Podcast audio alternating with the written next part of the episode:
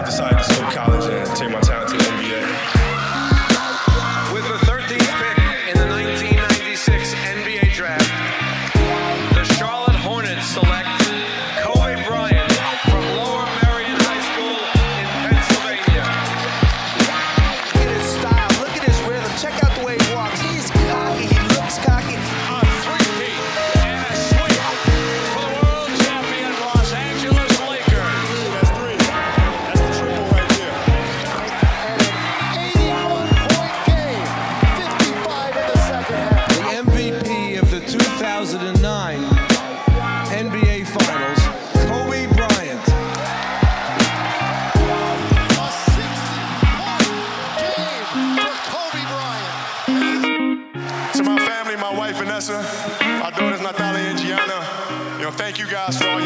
You know, for all the hours I spent in the gym working and training. And Vanessa, you holding down the family the way that you have.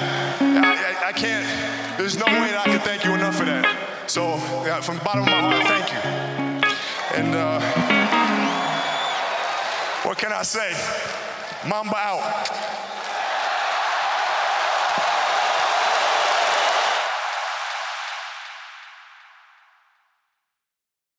Welkom bij een nieuwe aflevering van de Basketball Podcast. Met mij vandaag Nick Yo.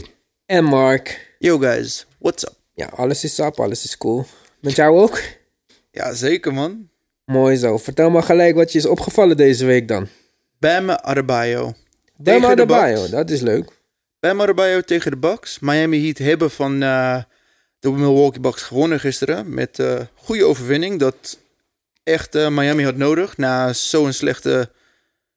Ja, ze hadden zeven van de acht wedstrijden verloren na de trade met eh, Iguodala. En gisteren hebben ze echt goed gespeeld tegen een sterke Bucks team die nu... Hadden, hadden we een soort van verwacht dat ze een wedstrijd zouden verliezen. En Bam Adebayo gisteren zijn defense was echt ongelooflijk. Hij was een soort van een wall. Zijn rebounding, hoe zijn help defense. En ik vond echt, hij is een van de opkomende spelers in de NBA. NBA. En ik denk dat we Miami hebben echt topspeler op hun eh, team. Denk je dat hij een kandidaat is voor Most Improved Player? Zeker. Ik denk eh, Pascal Siakam had in het begin van het seizoen was de top runner voor het. Maar ik denk de laatste paar weken heb je soort van gezien. Hij is een beetje terug naar aarde gekomen. En Bam Adebayo en hoe goed Miami hebben gespeeld is echt eh, voor mij nummer één voor most improved speler. Nick, wat denk jij? Mark zei net trade met Iguodala. Maar eigenlijk is Jay Crowder nog het, het, leukste product van de trade deadline voor de Heat. Of eh, vind je van niet? Ja, nee, eh, de Heat is een ploeg eh, waarbij Jimmy Butler en Adebayo zeg maar het voortouw nemen. En dat zijn defense first guys. Zij, zij trekken de rest van hun ploeg daarin mee. Jay Crowder die past perfect in dat rijtje. En met, en nog, met dan nog een goede coach daarbij, Spoelstra, die, die vaak eh, verschillende dingen probeert, kunnen zij teams verrassen. En ik denk dat dat eh, is wat gebeurd is met de Bucks nu. Ze zijn verrast. Een beetje na de All-Star break heb je altijd een beetje die, die slump, een beetje een moeilijke periode. En eh, ja, dit is een jammere, jammere nederlaag van de Bucks, maar ja, volledig verdiensten van de, van de Heat. Heat ook mazzel met de blessure bij de Sixers. Zij hebben dan een steekje laten vallen, maar bij de Sixers is het ook wat minder geworden. Heat vierde, Sixers vijfde. Allebei zijn thuis uitzonderlijk veel beter dan on the road. Dus heel belangrijk wie er in die match op thuisvoordeel heeft. Als de Heat thuisvoordeel houden, denken jullie dan dat zij in de eerste ronde een kans maken tegen de Sixers? Waarvan we aan het begin van het seizoen misschien hadden gezegd nee, zeker niet.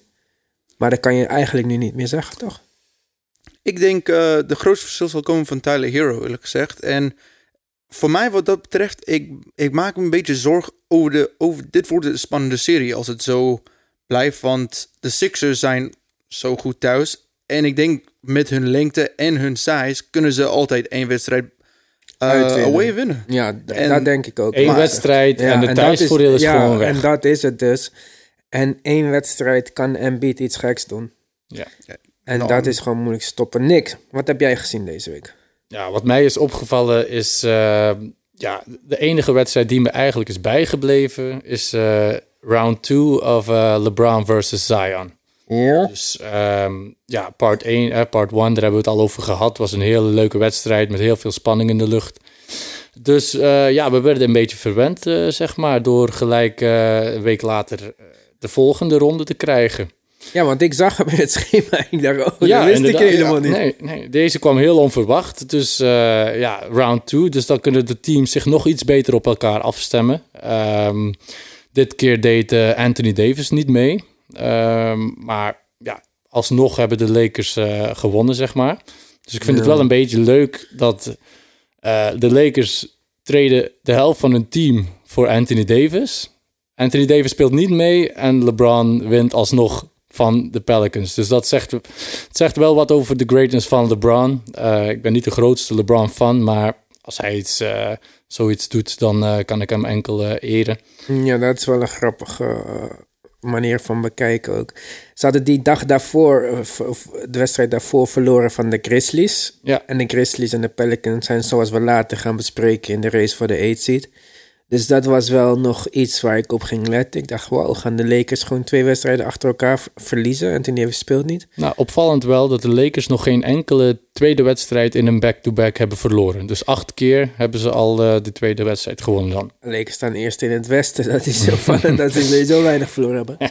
Zion wel career high, 35 punten. Tegen Kuzma, die echt eh, kansloos was. eh. Bij deze wil ik het ook even opnemen voor Koesma. Ik vind hem wel echt een goed speler. Ik, hij is niet in de ideale omstandigheden, maar ik denk dat Kuzma in andere omstandigheden eh, veel eh, beter tot zijn recht was gekomen. Ja. En ik vond het eigenlijk ook een beetje raar dat hij degene is die Zion moet verdedigen. En eh, je had een tijdje geleden de rumor dat LeBron Kawhi zou ontduiken. Vind ik wel. Nu, sinds die tijd ben ik erop gaan letten. Ik geloof niet per se dat hij dat deed of zo. Maar ik vind eigenlijk wel dat hij dan in zo'n wedstrijd, als Anthony Davis ook nog eens een keertje niet speelt, moet zeggen van, oké, ik ga dit jonge jochie even laten zien dat dit eh, een man's league is. Deed hij niet in de laatste possession volgens mij van LeBron, ging Zion hem verdedigen. LeBron kon niet scoren, want die back down lukt niet. En over Zion heen schiet is ook niet 1, 2, 3 Ze- een makkelijke... Zion is echt een schitterend verdediger. Hij Ja, kan- een beetje. Hij, als ik Zion kijk, ik heb het idee dat er nog zoveel meer uit gaat komen dan dat zit. verrassen. Ja, ik wil niet te vroeg. Ik vind hem super entertaining. Hij is volgens mij de eerste speler die tien wedstrijden achter elkaar boven de 20, spe- 20 punten heeft gescoord in zijn eh tien, teenagejaren. Ja. Dus ja, Zion eh buitengewoon. eh. Ja, verdedigen, want ik denk dat Mart of iemand anders het vorige podcast zei dat hij heel erg lenig is. En dat zie je ook wel, ik weet niet wie het was. Maar als hij verdedigt zit hij heel laag. Maar je weet als je gaat schieten dat hij zo snel en zo hoog kan springen... dat hij gewoon al een impact heeft op het schot zonder dat hij nog maar eh, de bal raakt. Zonder dat hij nog maar de bal blokt. Ja, en het lijkt misschien raar, omdat je, kan misschien denken hoeveel scheelt nou een paar centimeter. Maar omdat hij zo breed is, zo groot. Het is echt een berg waar je omheen moet lopen. En als je voorbij hem moet, hij neemt zoveel defensive space in beslag. En dat is nog alleen als je hem feest. Er is denk ik niemand in de NBA, misschien Embiid of zo, die is natuurlijk groot en sterk, die hem kan, eh, naar achter kan duwen in een post-up. En de enige speler die ik heb gezien die een beetje fysiek tegen hem op kan, is denk ik Giannis. Hm. Die, die deed het nog redelijk. Maar voor de rest, kijk, Dwight Howard. Ja. Het is gewoon een 6'10, 6'11 guy. Die echt schouders waarvan wij vroeger dachten, het, kan eigenlijk niet breder. Die is niet qua kracht eh, in de buurt van zijn. Dan zie je dat ook de mentale kracht wel een- van, een, van, een, van belang is, zeg maar. Hij, is niet, hij, is een, hij werd ook wel soft genoemd hè, door eh, Kobe vroeger. Ja, en- de Shaq. Ja, inderdaad. En eh, nee, dat, dat komt wel een beetje terug. Maar wat ook wel opvalt, is dat Zion wel nog een beetje beschermd wordt door de refs. Als hij naar de ring gaat, als hij naar de goal gaat. En eh, ja, dan, eh, dan, dan krijgt hij heel, ga, heel gauw de, de fout mee. Terwijl hij zelf het contact zoekt.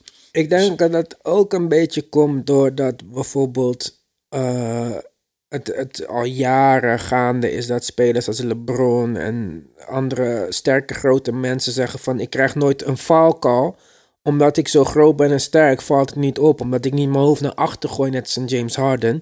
En dan dat de refs, wetende dat Zion zo sterk is en zo onbeweegbaar, een soort van al van tevoren dat ingecalculeerd hebben van ik moet goed opletten met fouten, dat ik hem wel geef omdat die niet zo makkelijk te bewegen is. Of, om- of omdat hij ook heel blessuregevoelig is, dat ze hem misschien toch voorlopig nog gaan beschermen. Maar Zou dat ze- kunnen hoor, dat, dat weet ja. ik niet. Maar ik dacht, eh, ja, het is allemaal speculatie, maar ik dacht eh, dat dat misschien een rol zou kunnen spelen. in ieder geval een speler om elke wedstrijd naar, eh, naar te kijken. Ik denk dat, je, dat we elke wedstrijd dingen bijleren over hem. En eh, ja, ik, eh, ik ben al benieuwd naar zijn volgende wedstrijd. Ik ook. Wat is jou opgevallen van de week, Ivan?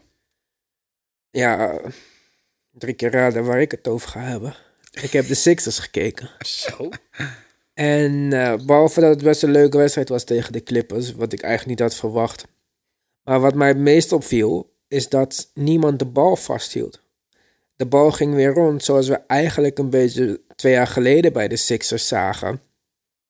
Toen dacht ik bij mezelf, ja, misschien ligt het dan toch niet aan de coach. Want dat systeem van twee jaar geleden vond ik echt mooi. Daar ben ik de Sixers gaan kijken, want de Sixers is niet mijn team van eh, day one of zo.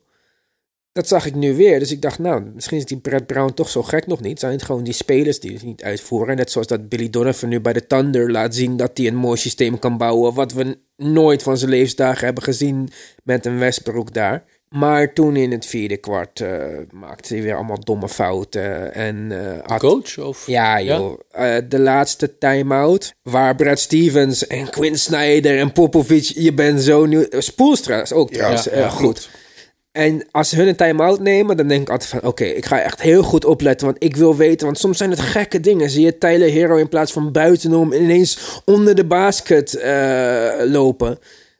En met Brad Brown weet je eigenlijk dat er niks gaat gebeuren. Dat de speler die de bal moet krijgen nooit de bal krijgt. Omdat de coach van de tegenpartij al lang heeft gezien wat de bedoeling is. En dat het dan een soort van contested drie punten wordt van Tobias Harris en zo. Het was nu weer zo. Dus eh, toen dacht ik ook weer van ja, oké. eh, misschien is Brad Brown een goede persoon om in het algemeen uit te zetten wat de filosofie van speelstijl moet zijn voor een club. Maar echt het in-game coaching, denk ik dat het tijd wordt voor iemand nieuws. Zeker. Ja, helemaal mee eens. eh, twee jaar geleden. Super. Iedereen vond hem leuk. Er zijn niet zoveel klachten over hem. Maar Ja, uiteindelijk dat is is er het een ook. punt. Waar Ja. sommige coaches Ja. zijn beter in andere dingen en sommige coaches zijn niet zo goed in andere Kijk, dingen. Ja, want bij mij, bij mij heeft hij dan weer punten gescoord door onlangs eh, Horford op, naar de bank te zetten. Omdat hij toch weer wat probeert om die dynamiek... eh, het is sowieso een, een bijna niet op te lossen puzzel als ze allemaal fit zijn. Dus Denk ik ook. En Mark Jackson was ook goed bij de Warriors. En toen hij werd ontslagen, dachten wij allemaal: dit komt omdat hij eh, in de clash lag met de owners. En dit is stom, want het doen zo goed. Hij is een goede coach. Spelers lopen met hem weg.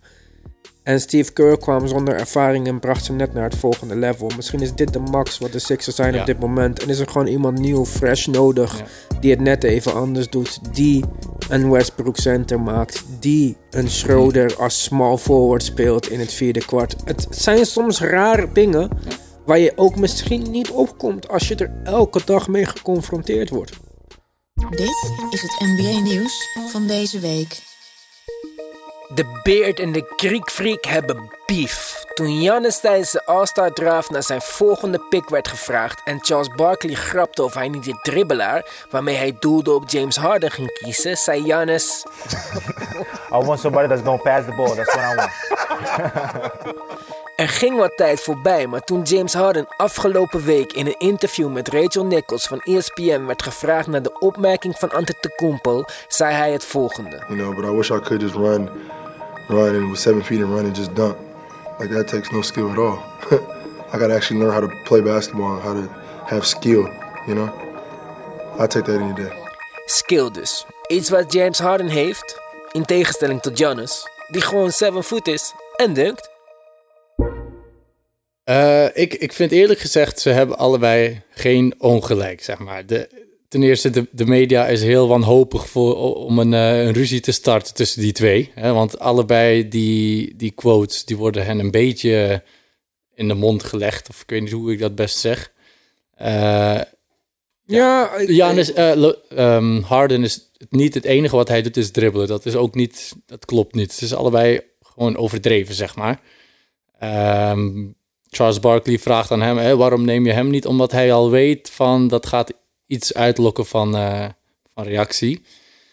En ja, Harden hoort dat en hij, hij geeft gewoon snel een, een antwoord. eh, dat eigenlijk ook heel ver van de waarheid staat. Maar hij verdedigt zich en eh, ja, zo ja. Ja, maar ik vind wel een groot verschil. De een is in een grappige setting. En Barkley zegt ook lachend: You don't want the dribbler. Ha ha ha. En Janne zegt zonder erover te hebben nagedacht: I want someone to pass me the ball. Haha, I take Kemba. Dan had ook Ernie kunnen zeggen: Ja, Harden heeft meer assists. Maakt niet uit, maar dat, het was zo niet serieus dat het een grapje was. En we gingen verder. LeBron moest lachen, iedereen moest lachen. Maar twee weken, drie weken erna, in een serieus interview, wordt Harden ernaar gevraagd. Hij had dit kunnen wegwuiven met zeggen. Ten eerste had hij kunnen zeggen: daar praat niet over. Ten tweede had hij, in, voordat het interview begon. Ten tweede had hij kunnen zeggen: van. Hij wist het niet. Hij wist het niet. Ja, maar hij kan. Denk je dat hij geen eh, persvoorlichters en dat soort mensen om zich heen heeft? Dit is een soort van eh, wat gebeurt bij de Houston Rockets. Je moet even denken, dit is het ook de Westbrook effect. Dit is ook gebeurd bij KD, toen reporters gingen klagen over hem. En je ziet Westbrook's invloed op Harden. Hij begint meer tegen de media, een beetje meer tegen andere spelers. En het is niet de eerste keer dat Harden is laatst gekozen in de All-Star draft. Voor hem is dit wel een beetje... Laatst van de starters. Ja, laatst van de starters. Dit is wel voor. Ik zou het ook na een paar jaar, als iedereen me altijd laatst als laatst neemt in de All-Star draft en die soort dingen en een beetje grapjes over maakt. Kijk, ik ben niet. Misschien is. Ik heb nooit ervaren hoe het voelt, maar het zou een beetje irritant zijn dat altijd laatst wordt gepikt. Je bent laatst, iedereen de. Jij bent de dribbler, je paast nooit. En het is Ja, niet maar zo waar is je hij toch ook? Ja, oké, maar kijk, assist deze dagen. Want iedereen heeft assist, hè. Trae Young heeft assist. En ik zou niet weten wie anders bij de Hawks scoort, zowat. Ja, ze zijn En, makkelijk. Ja, Westbrook heeft triple-doubles voor niet uit Tokio. Dus assists vind ik wel een beetje een statistiek die we misschien eh, niet meer zo serieus kunnen nemen. Maar het is wel zo dat spelers als Chris Paul bijvoorbeeld gewoon een beetje gefrustreerd aan de zijkant stonden toe te kijken hoe Harden aan het dribbelen was. En dat is waar Charles Barkley op doelt, zeg maar. Ja, kijk. eh Janis geeft een steek. Harden geeft een steek terug. Eh, ik denk eindstand 1-1. En laat ze nu maar... eh, ze moeten nog een keer tegen elkaar spelen trouwens, denk ik. Binnen een paar maanden of binnen een maandje. Maar vind je niet dat eentje meer grappig was en de ander meer... Vind jij de Jump dan zo'n... Ik vind de Jump niet de meest serieuze podcast. De interview was echt een Dat serieuze interview was serieus, maar ze- setting. ja, maar ze vraagt echt expliciet... En wat vond jij van de opmerking van Janis? Dan vind ik... Oké, hij moet toch sowieso zichzelf verdedigen? Het is niet dat hij... Nee, dat vind ik dus niet. Ik vind Nou. dat ten alle tijden dat je het... Maar vind ik, hè, dat je jezelf dan laat kennen. Ja, maar ik vind... Ik zou gewoon dan- zeggen, ja, whatever. Ja, oké, maar Janus had in de eerste instantie ook niet die steek moeten geven. Hij kon dat doen in een grappige setting, oké, maar hij had ook professioneel kunnen zijn en dat gewoon laten passeren, zeg maar. Oké, Charles, weet je. Maar hij ging er iets dieper op in. En weet je, zij hebben echt wel competition. Ze hebben echt wel een onderling duel. Dus dat is Door een de heel... MVP-race? Ja, door de eh, MVP-race inderdaad. Het is gewoon een gevoelige, gevoelig puntje voor allebei. Janis deelt een kleine, een kleine jab uit en, en Harden verdedigt zich. Want ik denk dat hij oprecht nog niet gehoord had over deze opmerking tot het interview. Denk Het wel, maar dat geeft niet. Harden dit jaar 35 punten. Toch wordt hij niet dit jaar genoemd in de MVP-race. Mark, vind je dat hij daar wel onderdeel van uit zou moeten maken? Of vind je eigenlijk dat dit geen race is? Want Janne staat naar iedereen's mening voorlopig op een eenzame nummer 1 plek. Valt er een case te maken voor LeBron James? Vind je dat Harden met 35 punten daar ook bij betrokken zou moeten zijn of niet?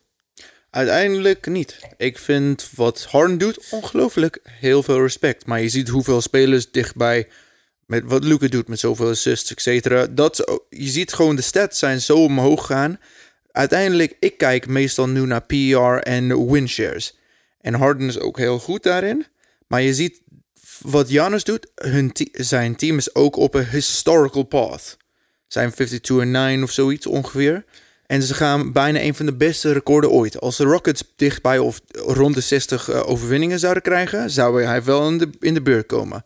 Maar hij heeft ook Westbrook in zijn team. En Westbrook speelt laatste paar maanden, of laatste twee maanden, uitstekend goed. En zoals je ziet bij meeste teams met twee, spel twee superstars, is dit gewoon niet goed voor jou. Want je, ma je eentje gespeelt Ja, goed. KD Steph effect, Precies. zeg maar. Of X, precies. En gewoon de Ja. Kobe's, Kobe Shaq. En daardoor denk ik niet dat eh, Harden kan klagen.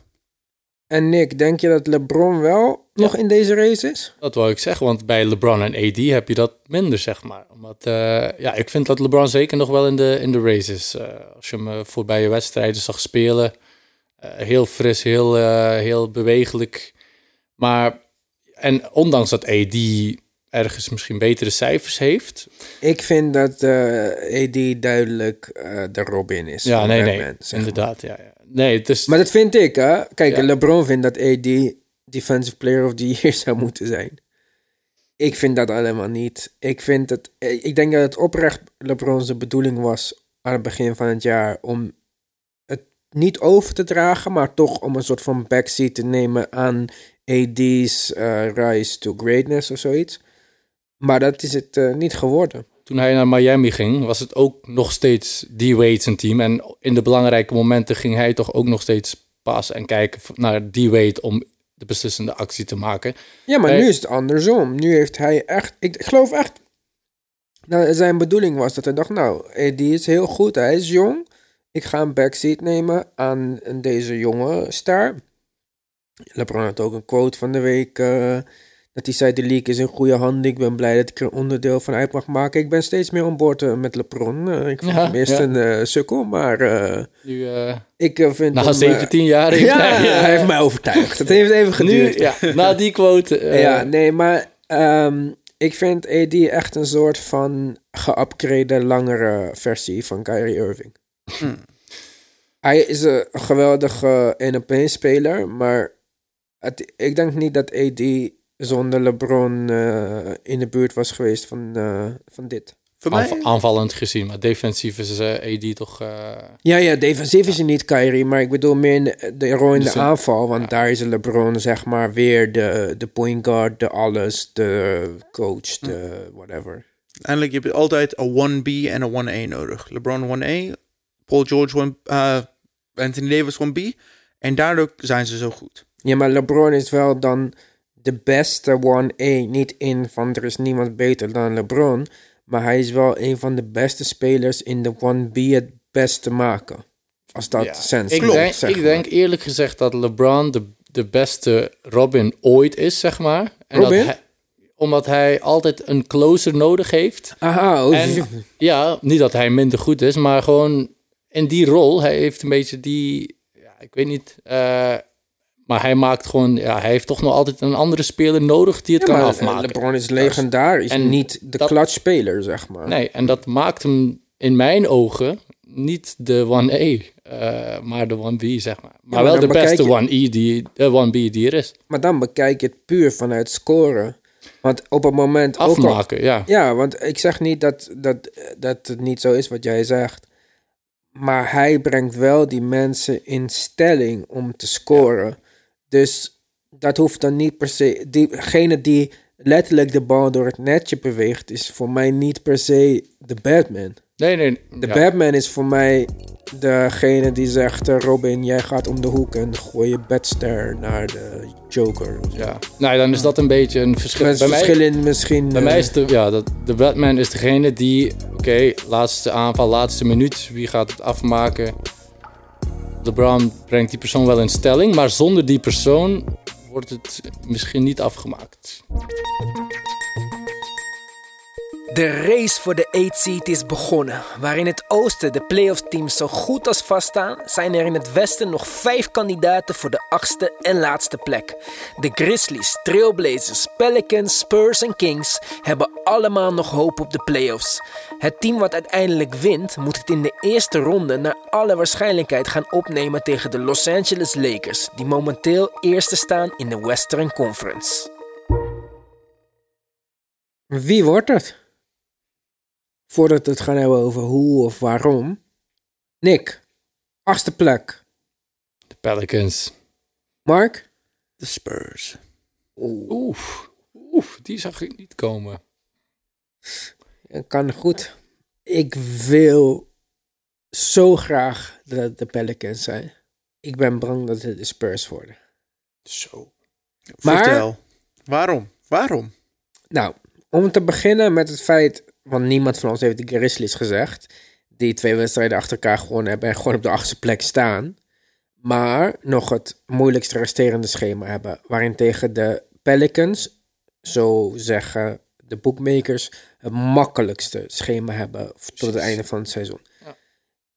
En waarom ik bang ben dat de Spurs worden, is omdat de Spurs een team zijn die je nooit kan uitschakelen. En ze ook, eh, behalve dat ze de laatste wedstrijd hebben gewonnen, stuk beter beginnen te spelen.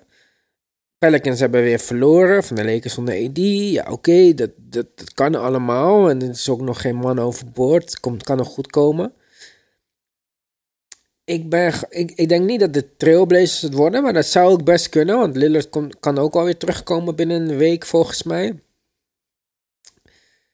Ja, ik, ik wil zo graag dat het de Pelicans worden. Want ik wil die eerste ronde serie zien tegen de Lakers. Dat lijkt me super leuk. Of het nou 5-1 wordt, wat jij zei, Mark.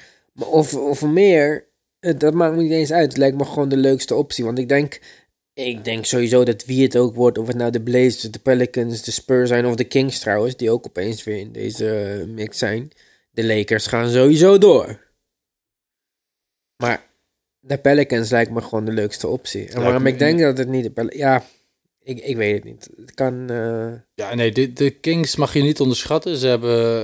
Maar die hadden we wel twee weken uitgeschakeld al. Er heeft over het hele seizoen bijna niemand over gepraat. Ze doen het minder goed dan vorig jaar. Ja, En veel minder goed. Veel minder goed. Maar ze zitten best in een goede flow. Ze, ze hebben acht van de laatste elf wedstrijden gewonnen. Dat is eigenlijk een streak die, die de beste in de NBA eh rijvelt. Tja. Wauw. ehm, Ja. praat- ja. Ja, dat is niet niks, hè, jongens. Niemand praat Eh, erover. ja. Nog een belangrijk eh, puntje. Harrison Barnes had gezegd dat hij zich niet meer ging scheren tot ze eh, meer, dan, eh, meer gewonnen hadden dan verloren. Dus ik denk dat iedereen wil dat Harrison Barnes zich zo snel mogelijk gaat scheren. Dat iedereen wel, eh, ja, de scheidsrechters hopelijk... eh, Een Buddy Hield nieuw contract naar de bank verplaatst. ja. Dat, het is allemaal niet niks. Er gebeurt daar een hoop eigenlijk. Wij praten er niet over. Maar als we straks in de eetspot belanden, dan hebben we wel... eh, Ik ben een beetje bang door Jaron Fox. Jaron Fox heeft nog een kleine blessure. En ik maak me een beetje zorgen daarover. Ja, maar hij is niet de belangrijkste speler Voilà, ze hebben drie spelers die 20 punten gemiddeld hebben. Ze hebben de Bog- Bogan Bogdanovic. Eh, ze hebben ook... eh, Marvin Bagley. Ja, Marvin Ja, die is geblesseerd elke dag. Maar goed, ja, ik denk persoonlijk niet dat het de Kings gaan worden. De Pelicans hebben alles, eh, alles, alles zeg maar wat, wat ze nodig hebben. Ze hebben het makkelijkste schema. Ze hebben Zion erbij. Ze hebben ook ehm negen van de laatste 14 wedstrijden gewonnen. Dus dat wil ook zeggen dat ze... Dat is met- ook best wel goed eigenlijk. dat is heel goed. Wat ik eerlijk moet zeggen over de Pelicans, ook wat mensen niet zoveel over praten is, Lonzo Ball speelt de beste basketbal van zijn hele carrière. Zoals zijn vader heeft gezegd. erover. Iwan Zo- heeft dat heel vaak gezegd hoor. Ja, dat weet ik, maar dit wat je andere dag hebt gezien tegen de Lakers, dat was ook een ander niveau, hè? Ah, Dat, als hij dat kan volhouden en Brandon Ingram een beetje meer dan vorm kan krijgen na Zion, ja, dat wordt, dan wordt het wel spannend, hè? Maar moet even kijken. Ja, ik, ik vind dat de Pelicans het sowieso boven verwachting doen. Ik dacht eigenlijk dat Zion te laat terugkwam en dat het eigenlijk ja, wel een beetje klaar was. Ik denk zelfs zonder de blessure van Jaren Jackson bij de Grizzlies, dat de Grizzlies eh, het moeilijk zouden hebben gehad. Ze hebben het resterende schema wat moeilijk is. Jammerend. Geen rookie wall of zo, want hij, hij speelt echt eh, best wel goed. Maar het is niet verder gegaan sinds een maand geleden. Het was Nee. in een stijgende lijn tot ongeveer twee maanden geleden. Daarna was hij nog steeds goed. Maar het is nu niet naar een volgende niveau. Hij heeft geen rookie wall geraakt en afgedaald, maar het is ook niet een stap omhoog gegaan. Ook wel, ook wel een vorm van een rookie wall, zeg maar. Iedereen, Ja. iedereen blijft stijgen tot ze niet meer kunnen stijgen. En dat is dan precies de rookie wall. En ze hebben ook nog ja, een moeilijk schema, zeg maar. Die kwetsuren van Jared Jackson Jr. Jay Crowder weg, eh, Jay Solomon Crowder. Hill weg. Eh, Dat is allemaal niet weg, niks Nee, hè. nee, nee. En ik dat- vind dat ook rare moves. In retrospect, als je kijkt wat er nu gebeurt, dat ze vechten voor de 8 seed nog steeds, dat je dat soort veterans wegtreedt voor een Justin Winslow die niet speelt en of dat nou je hoofdprijs is. Hm, En ze zeggen af en toe continuity is soort van de beste vorm van performance.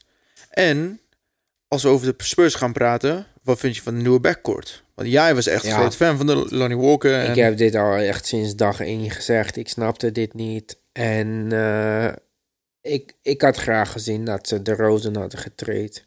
Nu denk ik dat hij sowieso eh, gaat opt-in naar player optie voor volgend seizoen. Ik denk sowieso niet dat hij het bedrag krijgt ergens anders. Dus ik denk dat hij opt-in gaat doen. Kunnen ze maar nog treden. Geen man overboord. Maar ik denk wel helemaal als ze de playoffs zouden missen dit jaar. Dat ze een kans hebben gemist met Aldridge en de Rosen traden voor assets. Gay traden voor assets.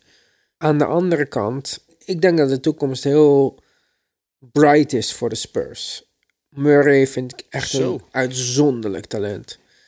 Lonnie Walker vind ik heel goed, maar ik snap dat dat nog niet.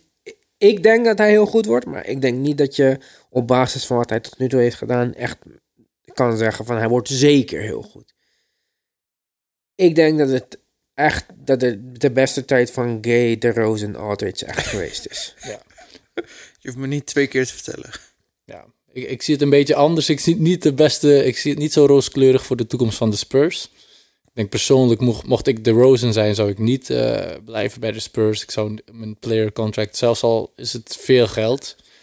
Ik denk dat hij eh, iemand is die voor geluk kiest en die voor iemand kiest, eh, die voor iets kiest, ja, voor de beste situatie voor zichzelf. En ik denk gewoon dat dat niet bij de Spurs is. Heel simpel. Dat hij bij een andere ploeg veel beter tot zijn recht zou komen dan, eh, dan daar. Wat zullen we zeggen over de Portland Trailblazers? Want die zijn soort van goed bezig. Zijn soort van in de, in de, dichtbij, maar blessures en die soort dingen. Hoe ver kunnen ze eigenlijk komen dan?